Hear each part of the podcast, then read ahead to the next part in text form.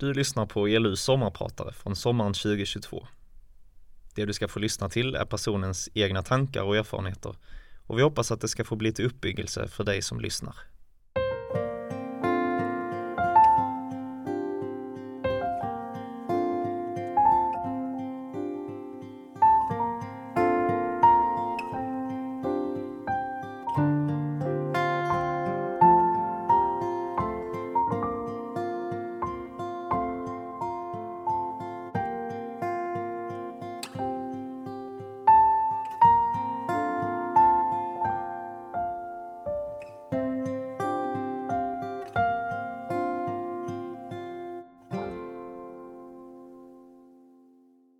Sofia, glöm inte krucifixet. Visiret skavde och munskyddet gjorde inlandsluften kvav. Jag hade nästintill undrat om pappa förstod att det var jag som var där och inte en av mina systrar. Jag var där tillsammans med min ene bror. Det var mest min bror som pratat. Han är så bra på det. Att prata på om olika saker som hänt, ställa frågor och lyssna. Pappa var trött, orkade inte prata så mycket, men var ändå så klar över vad som hände. De sista orden han sa till mig hade en mycket praktisk betydelse. Glöm inte krucifixet. Träkorset som pappa snickrat ihop och Jesusdockan som mamma sytt. Det som pappa använt i sitt arbete som präst och som jag fått ta över. Det skulle stå på pappas kista. Jag fick inte glömma att ta med det från Stockholm till Kinna. Men orden hade också en så mycket djupare betydelse än vad jag tänkte då. Nej, pappa, jag glömmer inte krucifixet. Jag heter Sofia Ödman och det här är mitt sommarprat.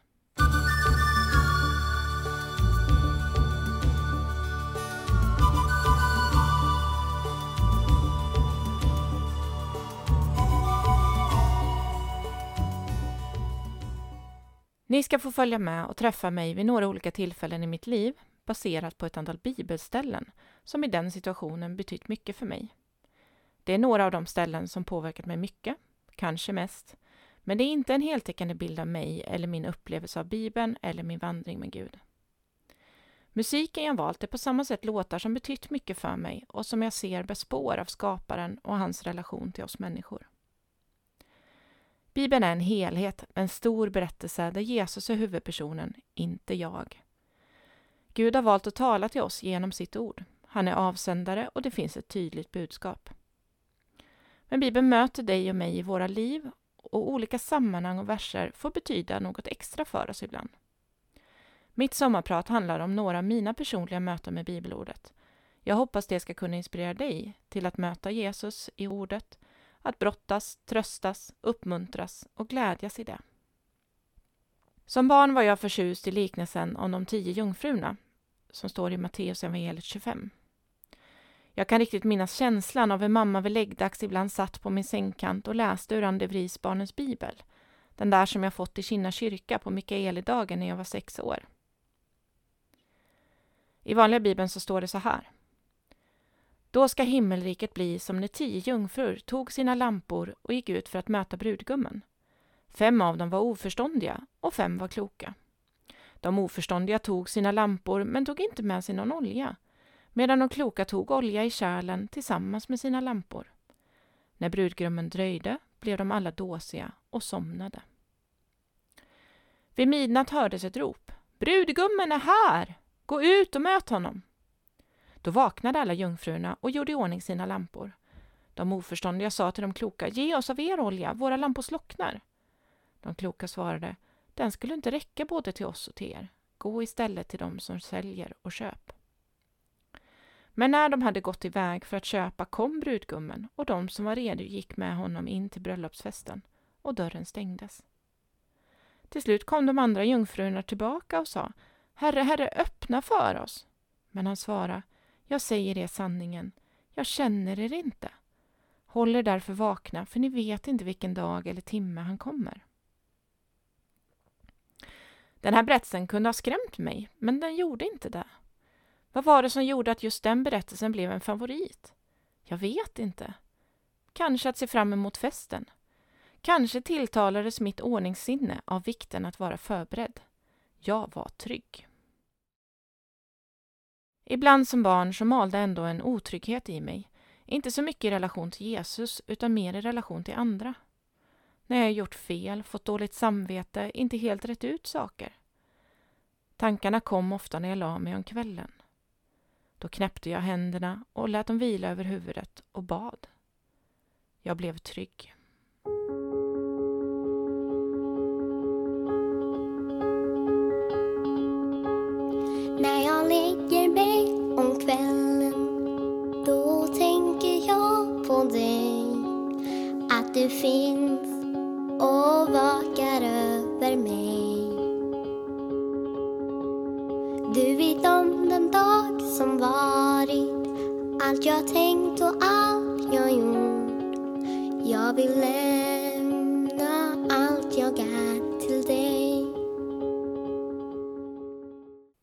Ena stora syster hade en LP.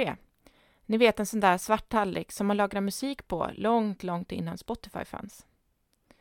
Albumet var Krigsman med gruppen Jerusalem. Det var en låt jag fastnat för särskilt. Den fick gå på repeat. Nåja, alltså jag fick lyfta armen tillbaka till start om och om igen. Josua och Jerikos murar handlar om. Detta var ytterligare en bibelberättelse som kunde ha skrämt mig. Som kunde ha fått mig att grunna på hur en Gud är. Men jag var trygg. Gud var rättvis och jag var på hans sida.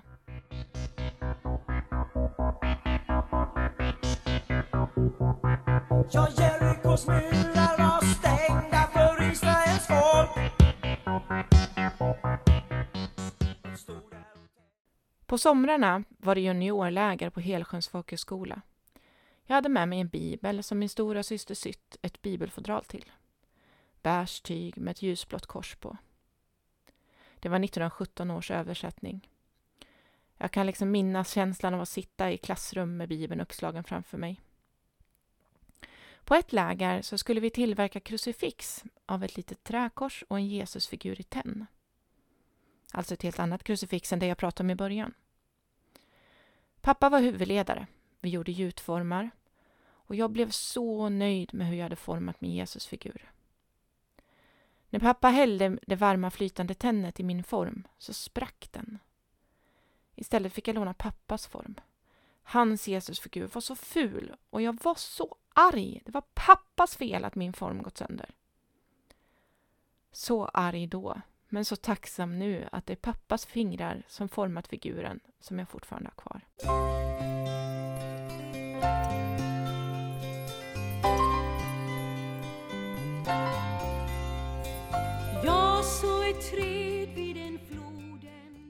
Jag gick på gymnasiet. Under en period så låg sorgen tung över mig. Jag mådde så dåligt och jag saknade hopp. Jag grät efter det jag inte kunde få tillbaka och längtade till något bättre. Så en natt så drömde jag. Saltaren 42.6. Bara så. En bibelreferens. Jag kom ihåg den när jag vaknade och slog upp min bibel. Det stod varför så bedrövad min själ? Varför så orolig i mig? Hoppas på Gud. Jag ska åter få tacka honom, min frälsning och min Gud. Så märkligt och så tröstande. Det var första och enda gången jag drömt en bibelreferens, men oj vad den har fått bära mig. Ett antal år senare så gick jag Credoakademin. Under den andra terminen så skulle vi göra ett kreativt projekt. Jag läste psalm 42 igen. Vad stod där? Vad betydde det? Jag började skissa, jag handlade tyger och jag drömde. Hela sportlovet satt jag sedan i vardagsrummet hos mamma och pappa och sydde. Det blev en stor väggtavla. I sommar så får den vara med på barnens sommarmöte på ELM Syds stora sommarmöte, där en av bibeltexterna för helgen är just psalm 42.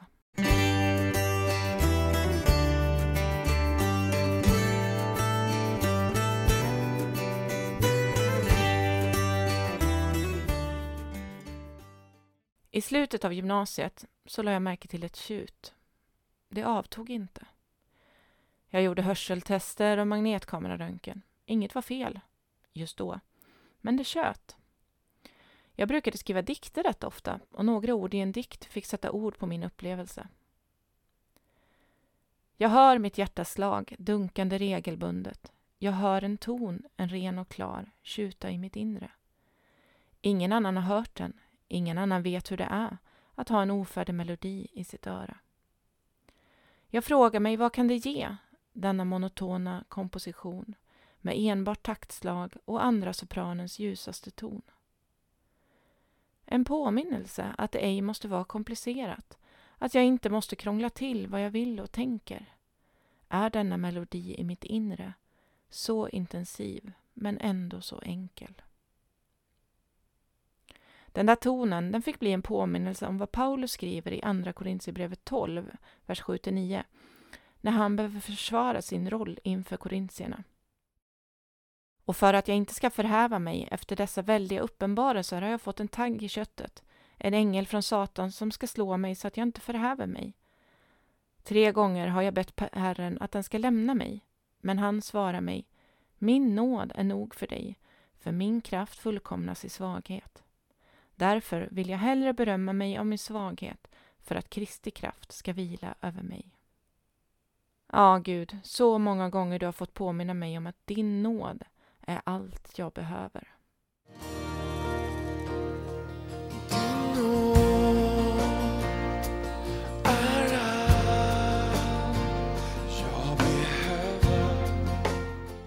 Jag flyttade hemifrån. Mycket var gott och härligt i det jag gjorde, men under en tid så hamnade jag också i en brottningskamp. Frågor som inte var så unika för mig, men som var lika viktiga ändå. Vem är jag? Vad betyder det som jag fått med mig i uppväxten? Vem är Gud? De snurrade i mitt inre och de fick konsekvenser i det yttre. Bibeln sa mig ingenting. Mycket för att jag inte ville lyssna. Jag gjorde en del val som inte var så bra. Jag tappade liksom aldrig tron på Gud, men brottades med vad det innebar att följa honom. Jag mådde dåligt. Det blev sommar, jag bodde hemma hos mamma och pappa igen några veckor. Jag förstod någonstans att så här kan jag inte ha det. Jag måste göra något. Jag orkade inte läsa Bibeln. Istället gick jag till pappas bokhylla och lånade en gammal andaktsbok med ålderdomlig svenska. Tänkte att den här orkar jag läsa.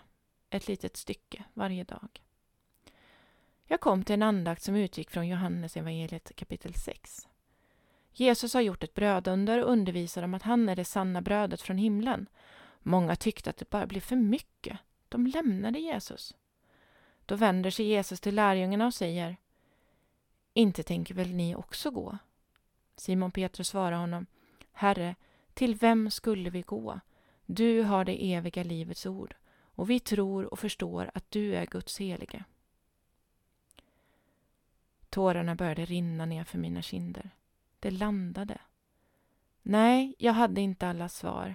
Jag hade frågor att ställa och saker att bearbeta och kommer väl ha det hela livet. Men där och då förstod jag att jag har ingen annanstans att vända mig än till Jesus. Han är det eviga livets ord. Han är den helige. Han finns där. Om du inte finns till vad ska jag göra då? Vem skulle känna Jag flyttade till Stockholm för att läsa en kurs på universitetet. Snabbt blev jag engagerad i studentföreningen Credo Stockholm. Jag fick vända om och tillbaka till Jesus, läka och komma i funktion. Det blev mer än en termin i Stockholm. Ja, jag bor ju fortfarande kvar. Ett av de första åren så gick jag Credoakademin. Jag läste nyligen att missionären Annie Hellström gått bort. Hon kom till Credoakademin och berättade om sitt liv och sin tjänst. Det gjorde avtryck på mig. När hon skulle ut i mission så hade en äldre person gett henne ett råd. Om du ska vara i tjänst för Herren så behöver du läsa Bibeln. Minst sju kapitel om dagen. Några i GT, några i NT. Det var någonting i Annis liv som övertygade mig och jag började. Under många år, ja, jag tror ända fram till mitt andra barn föddes, så läste jag sju kapitel om dagen. Några i GT, några i NT. Det var mängdläsning, inte djupläsning. Ibland kom jag inte ihåg vad jag hade läst när det hade gått fem minuter. Men jag var i Bibeln. Jag brukar nu säga att jag älskar att bada i Bibeln och det var vad jag gjorde i den där läsningen och fortfarande gör först i mindre skala. Att vara i Gud och i hans ord fick påverka mig och påverka mig. Det var inte en börda och jag vill inte lägga en börda på dig. Men det gör något med vår världsbild, gudsbild och självbild när vi umgås mycket med ordet. Sommaren 2000 så gjorde vi som satt i ledningsgruppen för Credo Stockholm en studieresa till London och några olika kyrkor där. Det blev en resa som påverkade oss som var där och det fortsatte arbetet i studentföreningen väldigt mycket.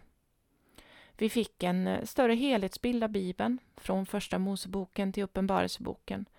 Vi fick hjälp att utgå från Guds perspektiv och inte vårt eget. Och vi fick en större förtröstan i Guds ord och hans verk. Vi fick se hur människorna i de kyrkor vi besökte betonade relationer och Guds ord. Om vi älskar människor så måste vi ge dem evangeliet. The truth that once was spoken To love another person is to see the face of God. Jesaja kapitel 55, vers 10 och 11 blev ett viktigt bibelord under den här tiden. Där står det Liksom regnet och snön faller från himlen och inte återvänder dit utan vattnar jorden så att den blir fruktbar och grönskar och ger säd till att så och bröd till att äta. Så ska det vara med ordet som går ut från min mun. Det ska inte komma tillbaka till mig förgäves utan att ha gjort vad jag vill och utfört vad jag sänt det till. Under kredåren så såg jag ganska tydligt också att de farligaste frestelserna för mig, det är mina egna tankar. Vid ett tillfälle under studieåren så tampades jag med tankar som jag absolut inte ville tänka, men som på sitt sätt var behagliga att ge näring åt. De var inte goda för mig, men jag kunde inte bli kvitt dem. När jag samtalade med en kollega och en vän om det här så läste han ur Andra Korinthierbrevet 10, vers 4 och 5 för mig. Vapnen vi strider med är inte kötsliga utan har kraft från Gud att bryta ner fästen. Ja, vi bryter ner tankebyggnader och allt högt som reser sig mot kunskapen om Gud. Vi gör varje tanke till en lydig fånge hos Kristus. Orden att göra varje tanke till en lydig fånge hos Kristus, de hjälpte mig. Det är inte jag som ska styra mina tankar i ensamhet, utan jag får ge dem till Jesus som har all makt att hålla dem fångna och hålla dem goda i hans närhet. Genom Credo så lärde jag känna en person som var grym på bibelgrekiska.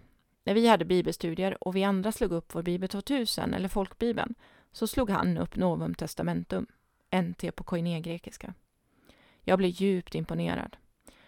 Jag såg också hos honom en stabilitet i att alltid vara trygg i att Guds ord gäller, samtidigt som han aldrig var rädd för att analysera eller fundera över vad bibeltexter betyder. Det var Bengt, nu min make sedan snart 18 år. När jag vid vigseln gick in i Kinna kyrka vid hans sida så kände jag mig som en drottning.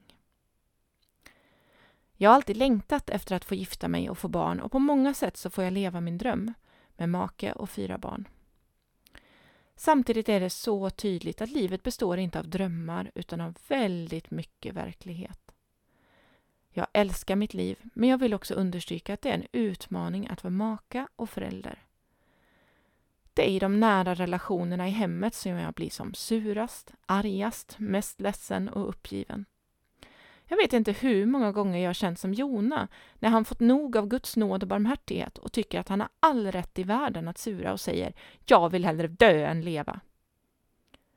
Sen brukar jag skratta lite åt mig själv och jag kan förstå Guds fråga tillbaka till Jona. Har du rätt att vara arg?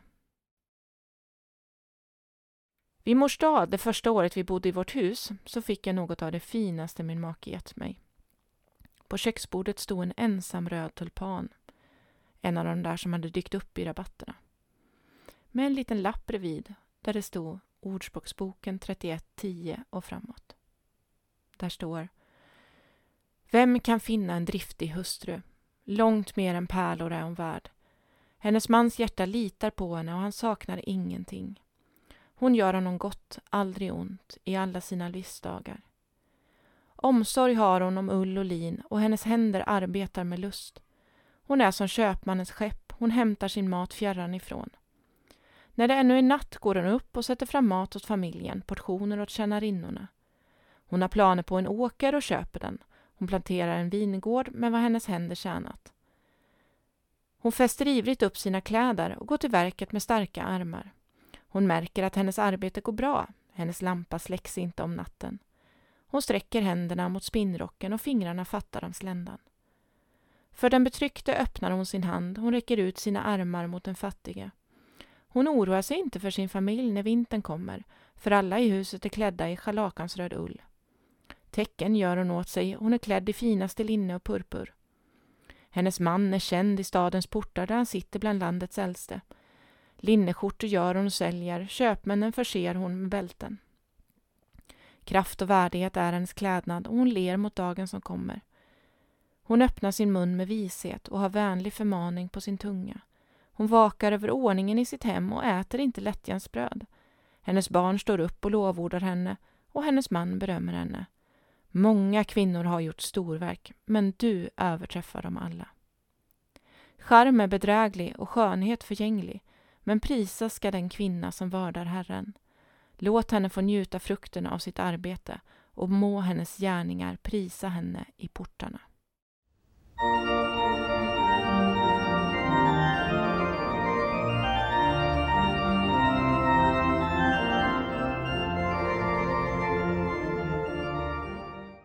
För sex år sedan så började vår familj vara med i Roseniuskyrkan i Stockholm.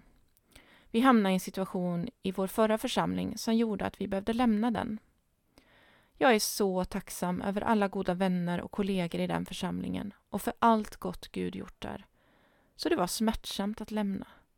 Jag var förkrossad samtidigt som vi blev varmt omhändertagna i Roseniuskyrkan. Första året satt jag i kyrkbänken och sörjde, bearbetade och vilade. Under det året var det en kollega på SALT där jag jobbade med söndagsskolmaterialet Skatten som vid ett förbönstillfälle läste psalm 84 för mig. Särskilt vers 6 9. Jag lade det på minnet. Min stora syster skickade en CD till mig vid samma tid. Jag vet inte hur många gånger jag gråtit till en av låtarna från den. Han går aldrig förbi dig. En textrad är Om vi inte får falla i Jesu armar Vems armar ska jag då falla i? Det var verkligen så. Jag föll i Jesu armar och även i alla de armar som är Jesu kropp. Bara som en jämförelse. Vid en öronoperation långt tidigare, ja, det var ju inte helt bra med mina öron. Då var jag lokalbedövad. Läkaren råkade komma åt någon balansnerv som inte var bedövad och en outsägligt hemsk känsla fyllde mig när jag för ett par sekunder föll handlöst. Inget tog emot. När vi inte har något att falla mot blir ångesten övermäktig. Jag hade upplevt det även i en tidigare arbetssituation, att det inte fanns människor runt omkring som fångade upp mig. Men den här gången, för sex år sedan, så var det så tydligt att jag fångades av Jesu armar i människor runt omkring, både i min förra och i min nya församling. Människor som känner mig, som finns där, som tar emot mig när jag faller, är så viktiga. Vi får vara Jesu armar för varandra. Efter lite mer än ett år av läkedom så kunde jag se hur Gud öppnade nya vägar till nya välsignelser. Som det står i Psaltaren 84, vers 69. Saliga är de som har sin styrka i dig, som har dina vägar i sitt hjärta. När de vandrar genom Tåredalen gör de den rik på källor och höstregnet täcker den med välsignelser. De går från kraft till kraft, de träder fram inför Gud på Sion. Herre Gud Sebot, hör min bön. Lyssna, du Jakobs Gud. Sela. Om du inte får falla in i Jesu armar vems armar ska du då falla i? Jag vill leva mitt liv till Guds ära. Jag vill ta del av hans skapelse och frälsning, nåd och glädje. Både de enkla och de svåra dagarna. Både när jag lyckas och när jag misslyckas. Redan under tonåren så fastnade jag för predikarens perspektiv på tid. I det tredje kapitlet. Allt har sin tid. Det finns en tid för allt som sker under himlen. En tid att födas och en tid att dö. En tid att plantera och en tid att rycka upp det planterade. En tid att dräpa och en tid att hela. En tid att riva ner och en tid att bygga upp. En tid att gråta och en tid att skratta. En tid att sörja och en tid att dansa. En tid att kasta bort stenar och en tid att samla stenar. En tid att ta i famn och en tid att avstå från famntag. En tid att söka upp och en tid att tappa bort. En tid att förvara och en tid att kasta bort. En tid att riva sönder och en tid att sy ihop. En tid att tiga och en tid att tala. En tid att älska och en tid att hata. En tid för krig och en tid för fred. Livet är en Guds gåva. Jag kan inte göra allt på en gång. Man får ta en livsfas i taget. Försöka se hur Gud vill forma mig och använda mig i varje tid. Och mitt i den tid jag är nu så hör jag sonen spela cello under vanliga, intensiva vardagskvällar och jag instämmer med Bach. Soli Deo Gloria. Endast Gud tillhör äran.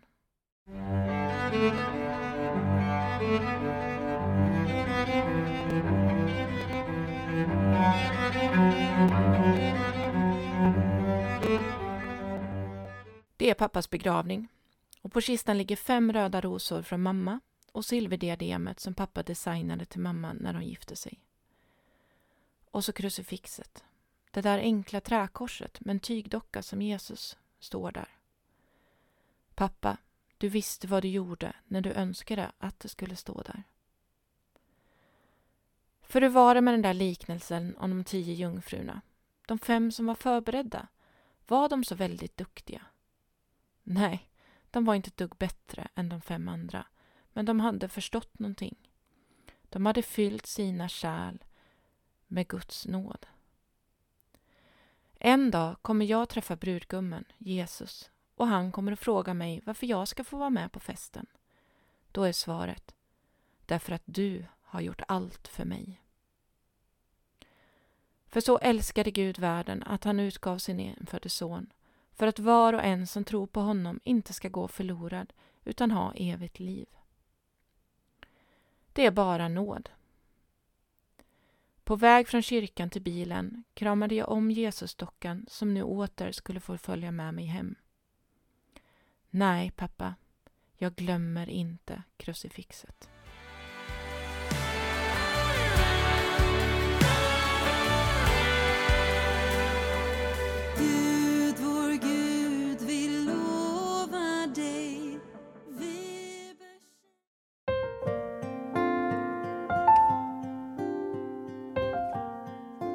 Du har lyssnat på ELU sommarprat. Du hittar våra andra avsnitt i ELU-arkivet i din podcast-app, på Spotify eller på elungdom.se. Där kan du dessutom ge en gåva eller bli månadsgåvogivare till ELU. Tack för att du lyssnat och ha en riktigt skön sommar.